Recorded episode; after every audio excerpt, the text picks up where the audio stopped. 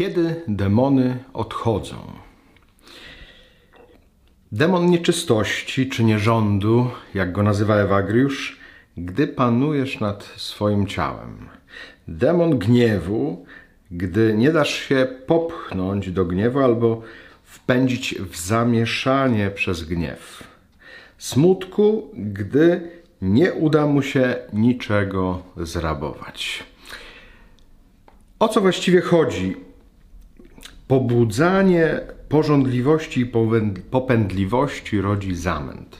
To jest może oczywista prawda, ale jeżeli nie panujemy nad naszym ciałem, czy nad naszym gniewem, czy nad naszym smutkiem, wtedy zaczyna się e, w nas niepokój, nie? Na, zaczyna się w nas e, zamęt.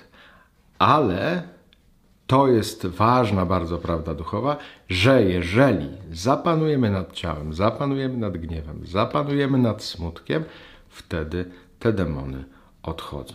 Jak mogą odejść demony, jeżeli nad nimi panujesz?